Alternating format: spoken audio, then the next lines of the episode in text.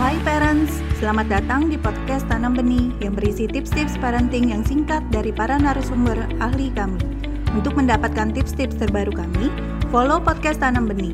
Yuk kita dengarkan bersama.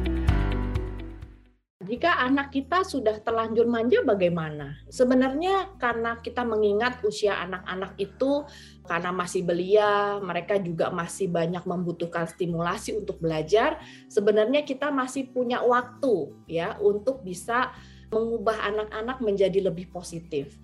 Nah, ini artinya sebagai orang tua kita perlu berperan aktif untuk uh, menghilangkan treatment kita, menghilangkan perilaku dan sikap kita yang selama ini mungkin tanpa kita sadari membentuk karakter manja pada anak. Mungkin kita perlu membiasakan kepada anak untuk selalu eh, melakukannya sendiri, mencobanya sendiri ya. Bahkan kadang-kadang ada juga orang tua yang mungkin bisa ya membuat anaknya justru menjadi bosan ya tidak diajak main, tidak diberikan mainan, namun setelah itu anaknya mencoba mencari cara sendiri untuk bisa menghibur atau bermain. Nah, ini juga sebenarnya salah satu cara kreatif juga ya, agar si anak tidak selalu harus punya mainan, tidak harus selalu ditemani, dan tidak harus selalu punya hal-hal ya yang akan selalu membuat dia bahagia atau membuat dia senang.